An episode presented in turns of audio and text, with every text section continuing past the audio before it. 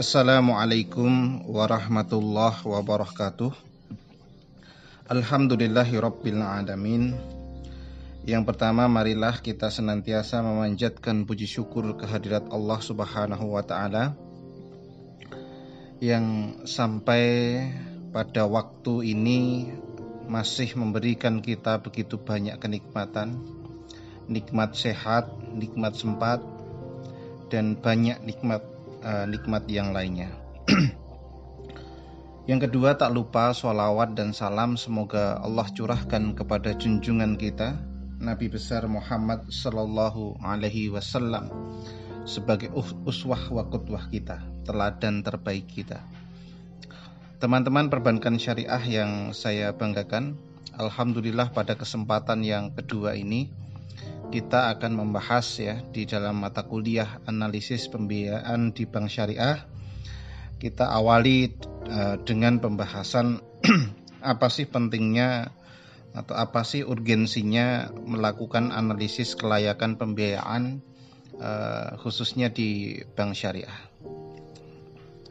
Tentu kita bisa melihat ya uh, atau kita mungkin kita bisa lebih teliti ya teman-teman saksikan atau lihat di sisi aktifan raja ya pada bank uh, syariah atau bank-bank yang lain ya. Nah, di sana akan terlihat bahwa sebagian besar dana operasional setiap bank ini diputarkan dalam bentuk pembiayaan, ya. pembiayaan yang diajukan oleh nasabah kan begitu. Tentu dari sini kita bisa melihat bahwa kenyataan Eh, kenyataan ini menggambarkan bahwa eh, pembiayaan eh, bisa dikatakan sumber pendapatan terbesar ya, namun juga sebagai sumber resiko operasi bisnis perbankan yang terbesar pula ya. Kenapa? Karena potensi pembiayaan ini ke depan ada potensi untuk macet atau bahkan uh, nama ya pembiayaan ini bermasalah kan begitu yang tentu akan mengganggu operasional atau likuiditas di perbankan itu sendiri. Nah, di sini resiko pembiayaan yang bermasalah atau macet ini tentu dapat ditekan atau diperkecil dengan melakukan analisa pembiayaan. Jadi memang salah satu faktor penting daripada analisa pembiayaan ini adalah menekan uh, terjadinya resiko pembiayaan yang bermasalah atau dalam kasus ekstrim adalah macet gitu ya. Yang tentu tujuan utamanya adalah menilai seberapa besar kemampuan dan kesediaan seorang debitur uh, dalam mengembalikan pembiayaan yang mereka pinjam dan membayar margin keuntungan kalau akotnya murabahah atau bagi hasil ketika akotnya mudurobah atau musyarakah begitu ya eh, yang disesuaikan dengan eh, isi perjanjian pembiayaannya begitu. Berdasarkan penilaian ini tentu eh, bank akan dapat memperkirakan tentang tinggi rendahnya resiko yang akan ditanggung. Jadi bank nantinya akan mampu memutuskan ya apakah permintaan pembiayaan atau pengajuan pembiayaan oleh nasabah ini uh, apakah akan diterima atau ditolak uh, dan tentunya akan diteliti lebih lanjut atau diluluskan gitu ya atau disurvei dulu ya lebih ketat agar uh, menjadikan apa ya lebih yakin gitu atau memang sudah memenuhi syarat untuk di ACC begitu. Nah, tentu ini perlu diikuti dengan memasukkan syarat-syarat yang bisa dikatakan khusus ya ke dalam perjanjian pembiayaan ya. Nah, tentu dalam melakukan evaluasi permintaan pembiayaan atau pengajuan pembiayaan, seorang uh, seorang analis pembiayaan akan meneliti berbagai faktor yang yang mungkin diperkirakan atau di uh, di yang ada dalam persyaratan begitu ya karena ini uh, akan mempengaruhi kemampuan dan kesediaan calon nasabah untuk memenuhi kewajibannya kepada bank. Jadi memang dari uh, latar belakang itu ya, ketika kita berbicara tentang tujuan analisis pembiayaan, ini memang merupakan satu langkah yang tidak bisa dianggap sepele ya, bahkan sangat penting ya dalam hal merealisasikan sebuah pembiayaan di bank syariah. Nah, analisis pembiayaan itu sendiri dilakukan oleh uh, pelaksana ya dalam hal ini bisa kita katakan pejabat pembiayaan gitu ya, di bank syariah. Uh, yang ini tujuannya adalah atau tupoksinya atau uh, pekerjaannya adalah satu ya biasanya adalah untuk menilai kelayakan usaha calon peminjam ya. Kalau dan di bank syariah ya calon mudorib begitu ya. Yang kedua tentu adalah untuk menekan resiko uh, akibat tidak terbayarnya pembiayaan itu Kemudian yang ketiga bisa yang lain contohnya adalah e, menghitung kebutuhan pembiayaan yang layak. Jadi memang kadang-kala tidak selalu e, pengajuan pembiayaan itu di ACC sesuai dengan e, apa e, jumlah yang diminta oleh nasabah. Ada kalanya memang e, menurut versi bank ya hmm, biasanya memang ada e, apa namanya e, semacam hitungan-hitungan sendiri ya oleh bank terkait kebutuhan pembiayaan oleh seorang nasabah yang layak oleh bank itu sendiri begitu. Nah, bagaimana ketika uh, uh, sebuah analisis pembiayaan atau sudah dirumuskan atau disepakati ya, maka langkah selanjutnya yang bisa dilakukan uh, ketika melakukan analisis kelayakan pembiayaan tentu adalah uh, menentukan ya, menentukan pendekatan-pendekatan yang akan uh, digunakan dalam uh, melakukan analisis analisis pembiayaan karena memang banyak metode yang bisa dilakukan dalam melakukan analisis pembiayaan itu sendiri ya. Sebagai contoh misalnya ya. Contoh pendekatan yang bisa diterapkan oleh bank syariah adalah satu pendekatan jaminan. Maksudnya apa ini? Ya, maksudnya pendekatan jaminan adalah uh, bank uh, dalam memberikan pembiayaan selalu memperhatikan kuantitas dan kualitas jaminan yang dimiliki oleh peminjam. Jadi jangan sampai ketika ada pengajuan pembiayaan uh, jaminan itu tidak benar-benar diteliti. Seringkali terjadi eh, banyak kasus ya, tidak satu dua ya, banyak ini eh, seseorang ketika mengajukan eh, jaminan atau menyampaikan jaminannya, eh, misalkan ambil contoh yang sering adalah kendaraan ya, kendaraan bermotor atau barang bergerak begitu. Suratnya ada bagus lengkap ya, tetapi barangnya mungkin eh, tidak gitu ya karena mungkin sudah dijual atau hilang dan lain sebagainya maka ini harus diperiksa lebih lanjut kemudian misalnya tanah begitu benar-benar harus dicek jangan sampai tanah yang dijaminkan adalah tanah yang uh, relatif apa ya kurang kurang ini ya marketable ya contohnya apa tanah-tanah yang katakanlah dekat dengan sungai begitu dekat dengan makam ya atau hal-hal yang kurang baik lainnya misalkan seperti itu. Yang kedua adalah pendekatan yang bisa kita aplikasikan dalam analisis pembiayaan di bank syariah adalah pendekatan karakter. Ini tentu menjadi hal yang sangat penting ya. Kenapa? Pendekatan karakter ini adalah artinya apa?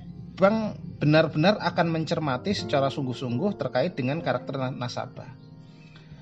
Jadi memang akan dilihat betul-betul bagaimana seseorang eh, ini nantinya apakah akan uh, selalu menepati janjinya dalam hal ini adalah uh, angsuran dan lain sebagainya karena boleh jadi ada orang-orang yang secara ekonomi mampu tetapi karena ada karakter yang kurang baik ini menjadikan tidak tepat waktu atau tidak disiplin dalam hal uh, angsuran misalnya seperti itu maka karakter ini bisa dilihat oleh perbank per perbankan gitu ya Caranya bagaimana? Ya, ambil contoh cara paling mudah untuk melihat karakter seseorang ini adalah dengan menanyakan eh, orang-orang uh, terdekatnya. Ya, contoh kalau di desa ada seorang nasabah mengajukan, maka yang kita lihat atau kita tanya untuk melihat karakter si fulan ini bagaimana, kita bisa melihat tetangga sekitarnya bagaimana eh, pendapatnya terhadap si fulan ini. Nah, keterangan-keterangan itu tentu bisa disimpulkan uh, diambil kesimpulan untuk memutuskan atau menyimpulkan bagaimana karakter seorang nasabah yang mengajukan pembiayaan. Gitu.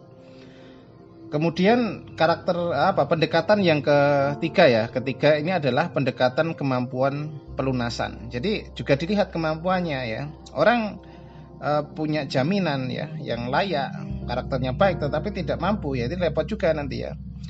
Artinya apa di sini? Tentu bank akan melakukan analisis kemampuan uh, kemampuan nasabah dalam hal ini ya untuk melunasi jumlah pembiayaan yang telah diambil. Nah, bagaimana melihat uh, kemampuan pelunasan ini tentu bisa kita laksanakan dengan cara melihat uh, bagaimana arus kas setiap bulan dari uh, seorang nasabah misalnya gajinya berapa ya kemudian pendapatannya berapa pengeluarannya berapa. Nah itu tentu akan dihitung sebagai referensi ya dalam menentukan kemampuan pelunasan bagi seorang nasabah. Kemudian pendekatan yang keempat tentu uh, pendekatan dengan studi kelayakan ya ini biasanya dilakukan dalam pembiayaan dengan akad ya mudorobah dan musyarakah ya. Nah, ini artinya apa? Bank akan memperhatikan bagaimana kelayakan usaha yang dijalankan oleh nasabah peminjam. Nah, ini tentu uh, membutuhkan pengalaman ya seseorang ya, tidak tidak bisa langsung seperti ini. Nah, jadi memang butuh pengalaman, butuh track record ya. Jadi dan biasanya bisa dilihat dari berapa lama usaha ini berjalan dan lain sebagainya ya. Kemudian ada pendekatan uh, yang terakhir mungkin uh, pendekatan fungsi-fungsi bank ya. Nah, ini artinya apa? Artinya bank memperhatikan bagaimana fungsinya sebagai lembaga intermediari ya. Nah, lembaga intermediari keuangan khususnya yaitu bagaimana mengatur mekanisme dana yang dikumpulkan dengan dana yang disalurkan. Jadi jangan sampai di sini eh, terjadi gap ya uh, ambil contoh kalau bank menghimpun dana jangka pendek ya bagaimana caranya? Disalurkan dengan uh, pembiayaan yang uh, temponya relatif juga jangka pendek. Jangka panjang akan disalurkan dengan uh, pembiayaan yang relatif panjang juga jangka waktunya begitu. Nah, itu tadi adalah pendekatan-pendekatan yang bisa dilakukan dalam melaksanakan analisis pembiayaan. Kemudian eh, yang kedua, uh, yang berikutnya ya adalah bagaimana prinsip-prinsip dalam analisis pembiayaan di bank syariah. Uh, pengertian prinsip itu apa sih? Gitu ya. Nah, kalau kita bicara prinsip itu kan uh, sesuatu yang dijadikan pedoman dalam melakukan suatu tindakan kan begitu ya. Definisi prinsip kan seperti itu. Sedangkan prinsip dalam analisis pembiayaan adalah uh, lebih spesifik adalah pedoman-pedoman yang harus diperhatikan oleh seorang pejabat ya. Pejabat dalam ini dalam hal ini adalah pejabat pembiayaan di bank syariah pada saat melakukan analisis pembiayaan ya. Secara umum mungkin teman-teman sudah banyak yang tahu ya. Prinsip dalam analisis pembiayaan ini bisa disingkat ya dengan istilah 5C 5C gitu ya. Satu C yang pertama apa? Karakter tentu tadi ya. Kita sudah berbicara pendekatan karakter di awal dalam pendekatan analisis pembiayaan, maka karakter C di sini karakter ini menjadi poin penting ternyata ya. Kenapa diletakkan di yang pertama karena memang karakter itu menjadi dasar paling penting dalam uh, menganalisa atau uh, menentukan apakah pembiayaan itu akan di atau tidak. Karakter itu apa sih? Karakter itu ya ya karakter sifat ya, sifat seseorang nasabah pengambil uh, pinjaman ya. Apakah karakternya disiplin, tepat waktu ya, amanah ya itu harus ada pada diri seorang nasabah begitu. Kemudian C yang kedua adalah um, capacity. Capacity ini adalah uh, maksudnya uh, kemampuan nasabah untuk menjalankan usaha dan mengembalikan pinjaman yang diambil. Ya. Jadi perlu dilihat tadi saya katakan bagaimana arus kas seorang nasabah setiap bulannya ini harus terrecord ya tahu ya berapa pendapatan si fulan? Oh pendapatannya 10 juta gitu berapa pengeluarannya? Oke 5 juta.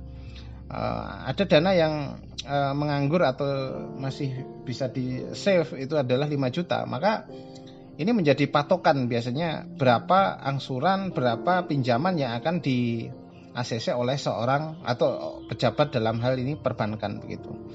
Tentu ini jangan sampai uh, terlewat ya karena tentu ini berbeda penerapan antara seseorang yang status pekerjaannya sebagai uh, karyawan atau PNS atau yang lainnya yang relatif uh, arus kasnya teratur begitu ya dengan wirausaha atau pedagang atau wira swasta lah ya yang memang arus kasnya relatif fluktuatif begitu ya naik turun ini tentu uh, pendekatannya berbeda juga gitu. Kemudian yang ketiga C yang ketiga adalah kapital. Kapital ini adalah uh, besarnya modal yang diperlukan peminjam. Jadi memang melihat uh, berapa sih yang di, diperlukan oleh seseorang nasabah dalam hal mengajukan pembiayaan begitu ya.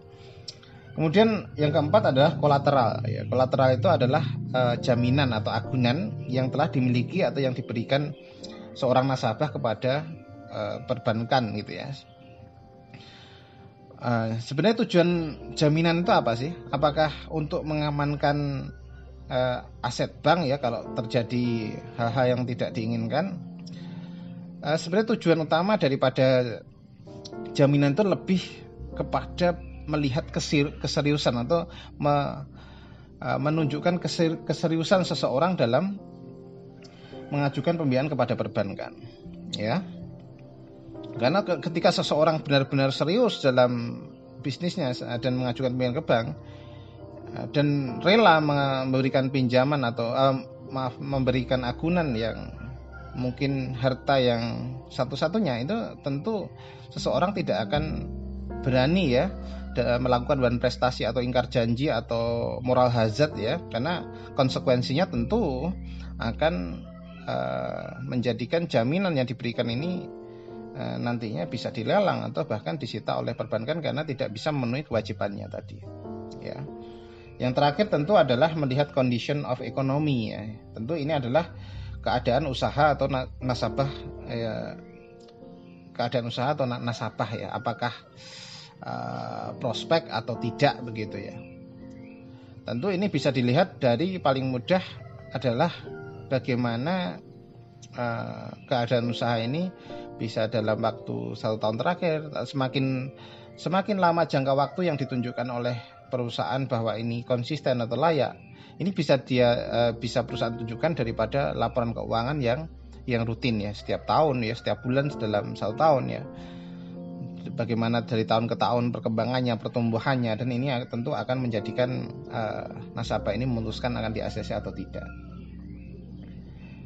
Nah, tentu ketika kita bicara dengan uh, di perbankan syariah ya, 5C ini masih belum cukup tentunya ya. Ada C tambahan namanya constraint ya. Artinya apa?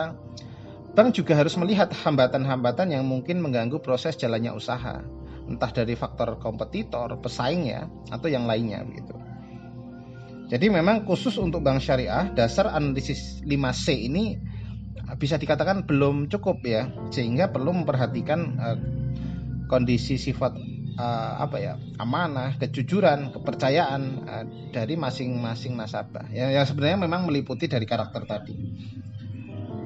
Kemudian ketika kita bicara prosedur analisis pembiayaan ya uh, bagaimana sih prosedur-prosedur dalam analisis pembiayaan ya. Memang ada beberapa aspek yang perlu diperhatikan dalam prosedur analisis pembiayaan ya. Nah, aspek-aspek penting ini uh, tentu harus di uh, apa ya? harus dipahami oleh uh, pengelola bank syariah ya. Sebagai nasabah pun tentu juga harus paham ya yang pertama prosedur analisis ya.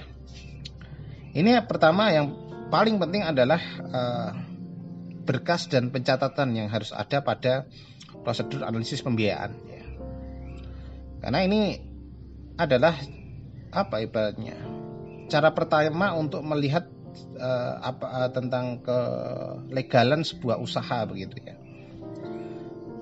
Kemudian yang kedua apa uh, data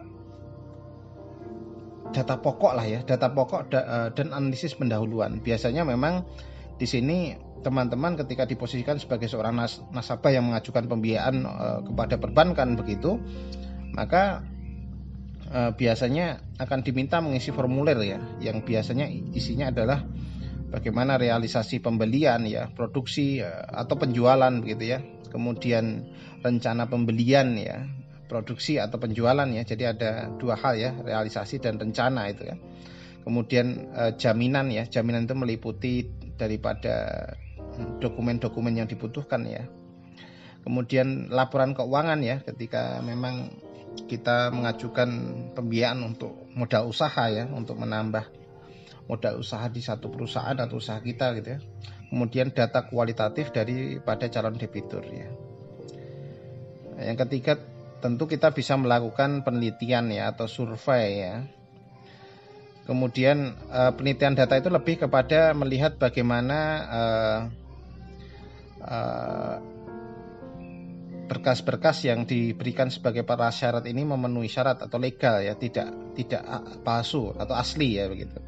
Kemudian yang berikutnya tentu adalah penelitian atas realisasi usaha. Jangan sampai usaha yang diajukan oleh seorang nasabah ini adalah usaha yang fiktif ya. Mungkin teman-teman bisa melihat pada kasus pen, apa ya hibah UMKM kemarin banyak usaha yang kita katakan fiktif begitu ya. Kemudian uh, penelitian atas rencana usahanya bagaimana ya. Bagaimana prospek ke depannya ini bisa dilihat dari poin ini ya. Kemudian yang keenam adalah uh, penelitian ya atau penilaian barang jaminan ya. Barang jaminan itu ditaksir ya, taksir dulu berapa nilainya, kemudian bagaimana dokumen-dokumennya ya kemudian uh, uh, tentu ada atau tidak ya sesuai dengan keterangan atau tidak begitu ya kalau tanah bagaimana pengikatannya nantinya ya apakah milik sendiri apakah milik orang tuanya atau milik orang lain ya kemudian bagaimana pengikatan itu kan tentu ditentukan dari situ nah ini tentu menjadi uh, penting juga ya jangan sampai nanti terjadi sengketa sengketa ya ketika ada masalah di kemudian hari begitu. Kemudian yang ketujuh adalah laporan keuangan dan bagaimana menelitinya begitu. Jangan sampai laporan keuangan yang diberikan itu juga uh, dimanipulasi ya. Laporan keuangan itu harus menunjukkan kondisi real perusahaan itu. Ya.